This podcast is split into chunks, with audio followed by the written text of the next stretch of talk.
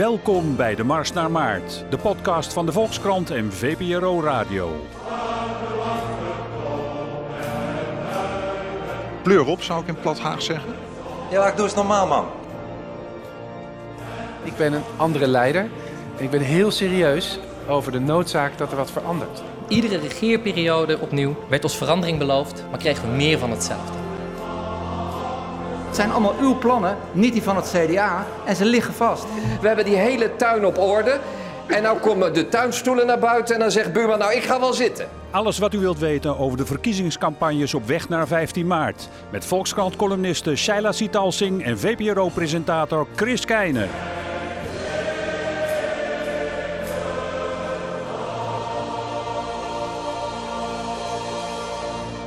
Ja, Shaila, goedemiddag. Dag, goedemiddag. We zijn inderdaad uh, inmiddels flink op weg naar 15 maart. Het is maandag 27 februari. The morning after the night before. Uh, gisteren het veelbesproken RTL-debat.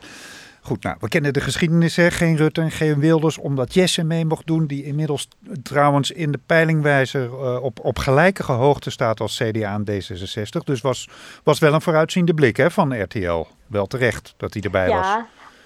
Ja, nee, absoluut. GroenLinks maakt een uh, behoorlijke opmars uh, door in de peilingwijzer. En staat inmiddels van de linkse partijen, nou ja, bovenaan bijna. Ja. Of bovenaan. Ja, ja, gelijk met CDA en D66, allemaal op 11 procent. En, uh, en Partij van de Arbeid staat op uh, 9 procent. En de SP staat op 8 procent, 8,8. Dus ja, goed. Um, ik geloof dat het uh, cabaretier Pieter Derks was die gisteren de eerste was met de grap van de avond. Hij tweette namelijk, komt zometeen de gamechanger of heeft die ook afgezegd? Um, ja. Heb, heb jij hem gezien, ja, de gamechanger? Nee, ik denk niet dat hij erin uh, zat. De gamechanger, ja, dat is natuurlijk, hè, dat, is, is, dat is ook verwachtingenmanagement. Zo'n zo debat, het is natuurlijk in het belang van RTL zelf, maar ook in het belang van iedereen die daar kan, commentaar op moet geven, om dat enorm op te kloppen. Van ja. nu komt die jongens, dit was altijd de gamechanger, dit is het debat dat de toon zet. Nou, ik heb de toon nog niet gezien. Het was interessant, het was bij vlagen inhoudelijk. Uh, ja, er werd wel iets meer duidelijk over posities en, Mhm. en wie er wat, nou ja, wat wat, wat, wat, wat premierabeler voor staat uh, dan de ander. Mm-hmm. Maar een echte game changer. En met een game changer wordt dus echt bedoeld van nou, uh, uh, nu maakt iemand een, een, een, een, enorm verrassende ontwikkeling door. Of nee. nu zakt iemand helemaal door het ijs. Nee. nee, dat hebben we niet gezien in dit debat. Nee. Wat maar goed, dat hoeft ook niet. Nee. Ja, je, het, het, is, het is toch ook gewoon interessant om te zien hoe hoe lijsttrekkers zich ontwikkelen, wat ze van dingen vinden. Ik bedoel, het mag ook wel een beetje over de inhoud gaan, toch? Dus dat vond ik op zich wel leuk. Dat we niet alleen maar op die game changer gefixeerd waren, maar ook gewoon van, nou ja, wat, wat, wat zeggen ze nou eigenlijk? Nee, tuurlijk. Nee, nee, graag inhoud. Nou, laten we, laten we gewoon, uh, laten we de mannen, want dat waren wel allemaal mannen weer. Um, laten we ze even lang, langs lopen. Um, ja, ik, of nou het opvallendst vond, weet ik niet. Maar wat ik, wat ik in ieder geval wel uh, uh, eruit vond springen was... ik vond dat Sibrand Buma er, er hard in ging. Met name op de stelling of de islam een bedreiging is voor onze identiteit. Hij drukte weliswaar nee in. Hè. Ze konden dan ja of nee op zo'n stelling. Maar eigenlijk begon hij daarna best, best hard en boos een soort van, van ja te roepen. Wat, wat vond jij daarvan? Ja. Ja, ik vind dat heel interessant. Weet je, het CDA maakt een hele interessante ontwikkeling door wat dit betreft. Als je kijkt naar een jaar of uh, nou, tien geleden, toen Balkenende nog de leiding had bij het CDA, was er binnen het CDA een enorme verlegenheid met het onderwerp islam. Hmm. Omdat men ontzettend bang was voor religiekritiek. Gewoon op zich. Nou, ja. hè, de, de, de, de, de, de, de islam, eh, er was veel kritiek, met name vanuit de jongerenorganisatie van het CDA. Van nou, hè, stel je nou eens wat heftiger op tegen die islam en zeg er wat over. En dat heeft het CDA eigenlijk altijd geweigerd toen onder Balkenende. Was heel voorzichtig, want de, islamieten waren ook een bondgenoot, want we zijn ook gelovigen. Het gaat, gaat ook om uh, confessionele scholen enzovoort. Nou, toen is het CDA ehm, samen met de VVD de PVV gaan gedogen. Hebben nog een aparte clausule opgenomen dat ze het niet eens waren over de islam. Dus dat ze daarom ook niet tot een echte regering konden komen. Mhm. Maar goed, toen is natuurlijk binnen het CDA of van alles gaan schuiven. En ze hebben natuurlijk heel erg bijgedragen samen met de VVD aan de normalisering van de opvattingen van de PVV en het discours en het idioom van de VVD, Mhm. van, van de PVV. Ja. Ehm, en je ziet nu, het CDA, het zijn al een tijdje bezig hoor, met een wat, wat, wat, wat, wat hardere koers. Ja. Eh, Buma stelt zich ook, al langer stelt het CDA zich ook al heel hard op tegen vluchtelingen. Buma heeft dat, nog geen jaar geleden ervoor gepleit om het vluchtelingenverdrag bijvoorbeeld op te zeggen. Deed hij gisteravond ook weer, heel expliciet. Ja, ja, ja, ja, ja, daar zijn ze ook al langer, zitten al langer op die tour. En ze zitten al langer op die tour van we moeten ons veel krachtiger tegen die islam opstellen. Ja. ze gaan veel meer richting de SGP, die vanuit zijn eh, ehm, religieuze opvattingen de, de islam als een soort, bijna als een valse profetie ziet. Nou, het Ja. CDA gaat bijna die kant op. Ja. Ja. En, eh, Alexander ja, dat Pechtold, Alexander. Pechtold probeerde, probeerde Buma daar echt eh, heel duidelijk over te krijgen. Die vroeg, vind, vind je de, de islam gelijkwaardig aan het, aan het christendom als religie? Dat, dan zie je dat hij er toch nog moeite mee heeft. Hè? Want, want daar wou hij eigenlijk geen antwoord op geven. En uiteindelijk zei hij wel iets van, nou ja, wij zijn een christelijk land. Wat toch weer een, wel, wel een soort was van dat het christendom toch beter was dan de islam. Hij, hij, hij zoekt nog steeds naar hoe ver hij daarin kan gaan. Hè? Ja, hij is de grens aan het opzoeken en hij ziet denk ik ook wel dat er ehm, electoraal eh, een, markt is voor het opzoeken van die grens. En het is misschien niet, weet je, misschien moeten we niet alles ook alleen maar eh, zien in termen van strategie en, eh, en, en, en, en, en kansen voor, voor de verkiezingen. Hmm. Maar misschien is het ook wel een inhoudelijke keuze hoor, van het CDA om, om, om, om te zeggen, nee, maar wij vinden dat christendom ook echt beter. En dat, dat, dat ze zich daar toch, toch steeds eh, voorzichtiger, eh, eh, of voorzichtig steeds explicieter voor gaan uitspreken. Ik vind het een hele interessante ontwikkeling. Ja. Het, is, ja, het is absoluut grenzen opzoeken. Ja. Maar dat biedt ook weer kansen, juist voor partijen als D66. Nou ja, dat, ehm, da- daarom deed Alexander Pechtold dat denk ik ook. Hè? We Ja. proberen hem zo ver mogelijk naar, naar, nou ja, laat maar zeggen, naar rechts eh, dan te duwen. Zodat er voor de D66 ruimte maakt, komt om, om de genuanceerder denkende CDA er binnen te halen. Precies, het vergroten tegenstellingen. En ze hebben natuurlijk allemaal enorm baat bij het vergroten van die tegenstellingen.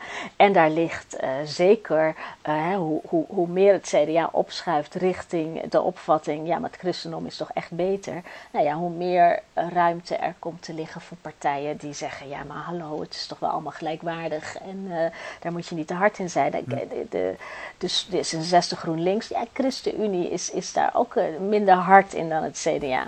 Dus dat, zou, dat biedt wel weer nieuwe kansen. Ja, ik vond hem over de hele linie. Ik, er is dan zo'n peiling meteen na afloop. Daar kwam eh, Sibrand Buma uit als, als door de kijkers als de vervelendst ervaren eh, die, die beter. Ik, nou ja, of dat nou zo is, weet ik niet. En die wat peilingen, daar moeten we het maar even over hebben nog. Maar, maar hij kwam wel wat bozig en, en hij, hij, hij, zat er, hij zat er strak in, zullen we maar zeggen. Ja, hij was niet heel ontspannen. Terwijl Buma, hij zat daarvoor, zat hij eh, toevallig bij Buitenhof. ehm, eh, eerder op de dag. Dat was een beetje een soort repetitie. Toen waren ze veel ontspannender. Hij zat er met eh, Alexander Pechtold, eh, gingen ze in debat. En daar was hij buitengewoon uh, ontspannen en geestig. En eh, Hm. nou, zat, zat, zat lekker in de wedstrijd. En dat was, vond ik in het debat, was hij een stuk gespannender. Ja, daar hangt natuurlijk veel meer van af. En er Ja. kijken veel meer mensen naar. Er hebben 1,2 miljoen mensen naar Ja, gekeken. wat heeft veel is. vanmorgen Ja. bekendgemaakt.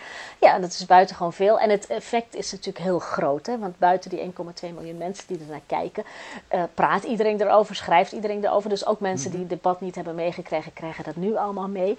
Dus ja, er hing ontzettend veel van af. En dat zag je wel van de gezichten af. En Ja. ik vond met name Buma niet heel ontspannen. Dan was zo'n Nee. Pechtold was veel ontspannender. Nou ja, was die- heel ad rem. Ja, die kwam Ja. eruit als, als winnaar bij die peiling. En dat, dat is dan inderdaad zo'n dingetje wat, wat in het nieuws eh, blijft, blijft rondzingen. Ehm, vond je dat terecht? Vond je hem de winnaar? Ehm, ja, weet je, de winnaar, ik vind het altijd zo lastig, hè, de winnaar van het debat, weet je, alsof het een soort hardloopwedstrijd is. Hmm. Het is natuurlijk ook, nee, ja, net eh, wie, wie vond je inhoudelijk sterker? Nou, dat heeft natuurlijk heel erg met je persoonlijke opvattingen te maken.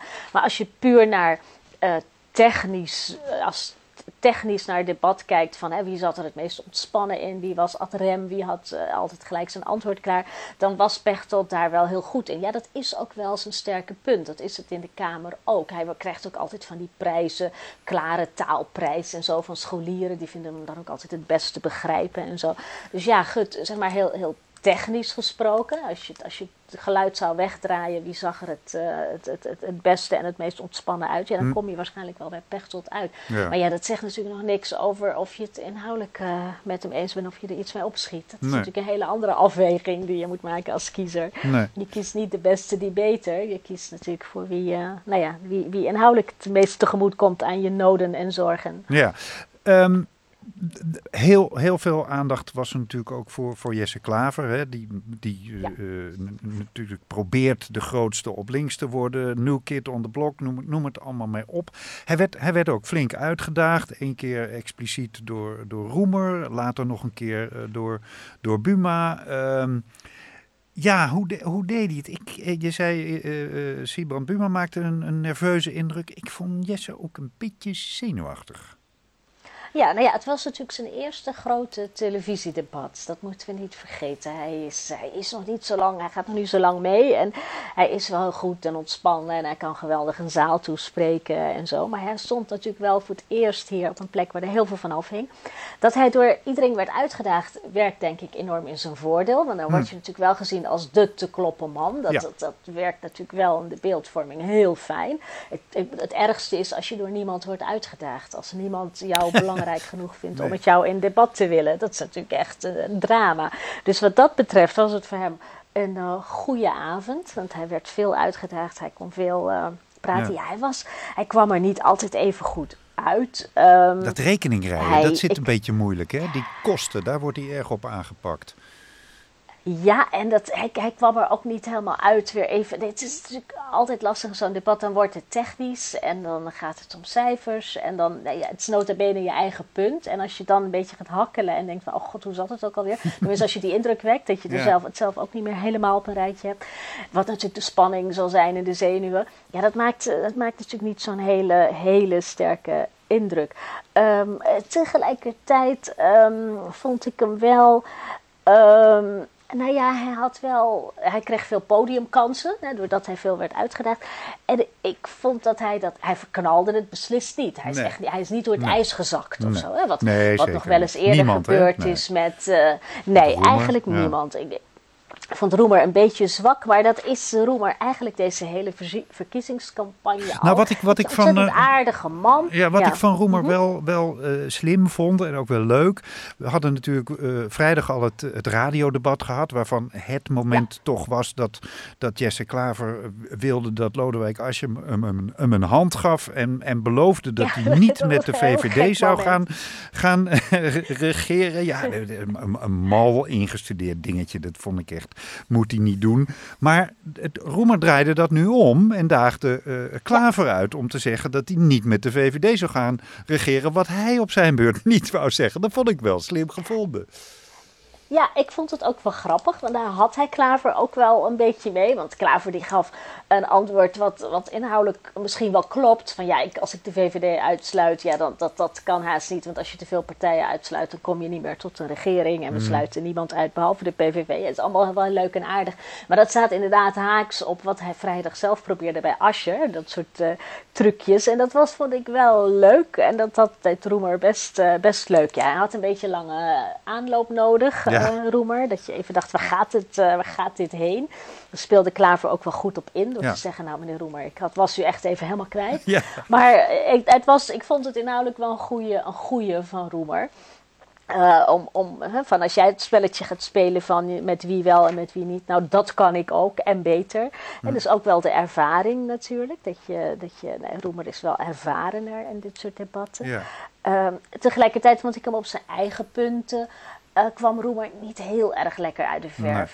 ze, hebben, ze hebben natuurlijk het grootste pakken met dat, dat nieuwe zorgstelsel wat ze willen. En dat, dat zorgfonds en afschaffing van het eigen risico. Maar ik vond hem daar toch ook, ook inhoudelijk niet echt zegevierend uitkomen. Uh, wat je zou verwachten. Omdat het toch echt zijn eigen ding is. Als, het dan, als het dan ehm, gaat om, om, om uh, dat, dat gevecht op links. Hè, wie, wie moet nou de uitdager op links worden? Dan gaat het natuurlijk vooral ook heel erg tussen, tussen Ascher en Jesse Klaver. Ascher kan behoorlijk venijnig op hem, op hem ingaan. Hè. Klaver schoot even in de lach toen, toen Buma hem, hem aansprak op, uh, op veiligheid en, en radicale islam. Daar werd hij meteen door Ascher op, op zijn nummer gezet. Van dat, dat, dat is niet iets om, om, om te lachen. Um, en, en wat mij heel erg opviel dat uh, bij een stelling of Nederland meer vluchtelingen op moet nemen, dat als je daar tegen uh, stemde. En dat hij dat die op dat punt dus echt heel duidelijk afstand probeert te nemen van, van GroenLinks. Wat, wat vond je daarvan? Is dat, is dat verstandig van de Partij van de Arbeid? Um, het, het, ik weet niet of het verstandig is. De Partij van de Arbeid um, heeft in, het afgelopen, in de afgelopen regeerperiode um, elke keer als er echt pijn was met de achterban en gedoe, dan ging het om vluchtelingen ja. in, in brede zin, om bed, bad, brood, om uitgeprocedeerde ja, illegale, ja. om uh, de kinderen die hier wel of niet mogen blijven. Dus het is wel het, het zwakke punt, uh, of, of, of het, het, pijnpunt eigenlijk tussen de, de, de, de fractie en de partijtop en de achterban. De achterban is daar toch veel linkser in dan de mhm. partijtop zelf. Um, als je kijkt naar Aschers beleid van onder de afgelopen um, regeerperiode, uh, is, was, het, was het ook niet een, uh, een, een klassiek PvdA-beleid in die zin dat Asscher al veel strenger is gaan zitten op uh, integratie, op inburgering, op verplichte participatiecontracten. Um, er is toevallig is het nieuws vandaag dat het de overlegstructuur met migrantenorganisaties uh, is, is onder Rutte 1 afgeschaft. En ja. dat heeft, nou ja, heel, uh, dat is ook wel echt zo'n PvdA ding is dat ook wel. Hè, praten met, met iedereen, met migrantenorganisaties. Dat is onder Rutte 1 afgeschaft. Heeft Ascher als minister van Integratie niet opnieuw ingesteld. Heeft hij gewoon zo gelaten. Dus er is in, in dat beleid van Ascher, dat is echt geen uh, gezelligheid, vrijheid, blijheid beleid. En hij nee. zit heel erg op, op, op integratie die volgens hem niet zou lukken. Hij zit natuurlijk al langer ook op, op arbeidsmigratie, waar hij, uh, ja. wat hij tegen wil gaan. Hè, Roemenen, Bulgaren. Dus ja, dat hij dan ook minder vluchtelingen wil opnemen. Het ligt, het, de, er, zit, er is ergens zo'n soort logische lijn in te hmm. ontdekken. En je kunt je afvragen of dat wel goed valt bij de Partij van de Arbeid achterban. Ja, nou ja, en het is grappig in het, in het politieke krachtenveld dat als je, als je het bekijkt op twee factoren, namelijk sociaal-economisch enerzijds en anderzijds al die identiteitskwesties en migratie en integratie enzovoort, dat op de, op de ene factor dan, dan Partij van de Arbeid en GroenLinks weer dicht bij elkaar zijn, sociaal-economisch, en D66 weer verder naar rechts. Maar op de andere zitten Partij van de Arbeid en CDA dan weer dichter bij elkaar en uh, zitten D66 en GroenLinks uh, weer Hè, want, want D66 is ook echt van meer vluchtelingen opnemen, zo, zo, zoveel ja. als we kunnen. En die zitten daar weer dichter bij elkaar. Dus die, die breuklijnen die lopen, die lopen er dwars doorheen. Ja, die lopen er dwars heen. Dit is zeg maar een uiting van het progressief patriotisme waar Asscher mee de verkiezingen in is gegaan. Daar hoort dit ook bij. Een, een minder welkome houding jegens uh, iedereen van buiten. Dat is, dat is allemaal onderdeel van het progressief patriotisme van Asscher. Waarvan we allemaal dachten, ja, wat bedoelt hij daarmee? Nou ja, dit dus. Ja, ja. en dat is absoluut uh, ja, op die culturele as... Uh, zijn er hele andere verdelingen te maken dan op die sociaal-economische as. En dat zie je ook binnen dat linkse kamp heel duidelijk ja. uh, nu ontstaan. Waarbij ik voor het gemak D66, ja, ik reken het niet echt tot het linkse kamp, maar nee, goed, ze zitten nou, een beetje op dit vlak in ieder geval zeker. Op cultureel vlak, ja. op cultureel vlak um, kun je ze wel in, in de GroenLinks-lijn uh, leggen. Ja, ja, dat klopt. Dit, dit debat gezien hebbend, wat, wat denk je, is het nou, uh, is het nou uh, slim of dom geweest van, van Rutte en Wilders dat ze er niet bij waren? Ja, nou, het was misschien uh, helemaal zo gek nog niet. Want ze hebben nu hier door, doordat er nu een, een, een, flinke aantal linkse partijen waren, hebben we gezien wat die verschillen daar allemaal zijn. Hebben we gezien dat, dat, nou ja, dat daar nog niet echt een hele duidelijke uitdager of drakendoder op links is. Nee. Uh, dat is allemaal wel in het voordeel hoor, van, van, van Rutte. Um, dat de linkse kiezer het nog steeds niet weet en denkt, ja jezus, wat moet ik nou? Um, dat het, dat, dat het blijft de tweestrijd Rutte-Wilders een beetje nog, ja. Ja, doordat ze er allebei niet zijn. Ja. Uh, terwijl het wel de hele tijd over hun ging. Het ging toch wel best wel vaak over Rutte die er niet ja. was. En het ging toch best wel vaak over standpunten die, uh, nou ja, dankzij de PVV op de agenda zijn gekomen. Uh, waren ze er toch wel een heel klein beetje zonder dat ze fouten konden maken. Ze hebben, uh, uh, het, het, er niet zijn betekent ook dat je geen fouten kunt maken en niet door het ijs kunt zakken. Um, en doordat het nu nou ja, eigenlijk alleen maar verwarrend is, uh, of, of, alleen maar nog verwarrender is geworden op links. Ik denk dat Rutte daar alleen maar garen bij kan spinnen. Kijk, hij moet zich op een gegeven moment natuurlijk laten zien. Rutte is een goed debater, doet het altijd heel goed en leuk in dit soort debatjes. Um, dus hij, hij, moet, uh, hij, hij, moet zich absoluut laten zien, wil hij uh, de, de, mensen bij gaan winnen.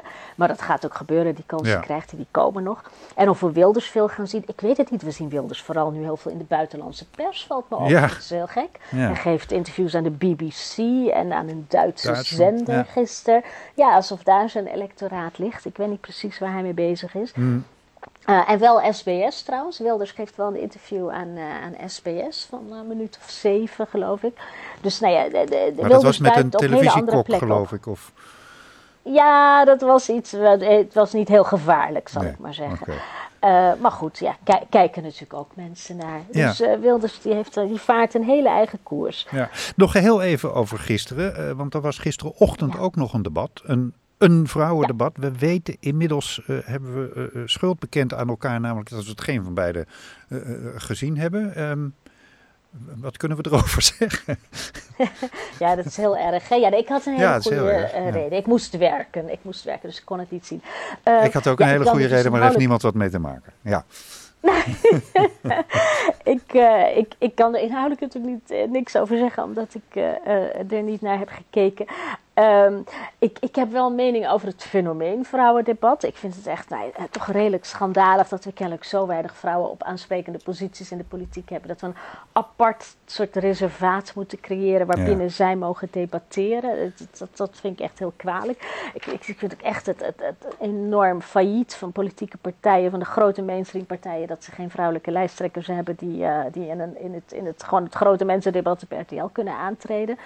Nou, dat, dat, dat allemaal gezegd hebbende um, over dat, dat vrouwendebat. Het, het, enige wat ik erover heb gehoord is dat Fleur Agema um, het goed deed. Ja, voor ja, wat het waard die zou is. volgens het publiek ik, gewonnen ik, hebben. kan ja. daar geen verantwoorde uitspraak over nee, doen. Ja. Ja, nee, de, de heel erg uh, dat wij het zelfs ook niet gezien hebben. Um, ja, de, um, We gotta talk about Henk. Um, het was toch een beetje. Onze favoriet. Tot gisteren de week van Henk.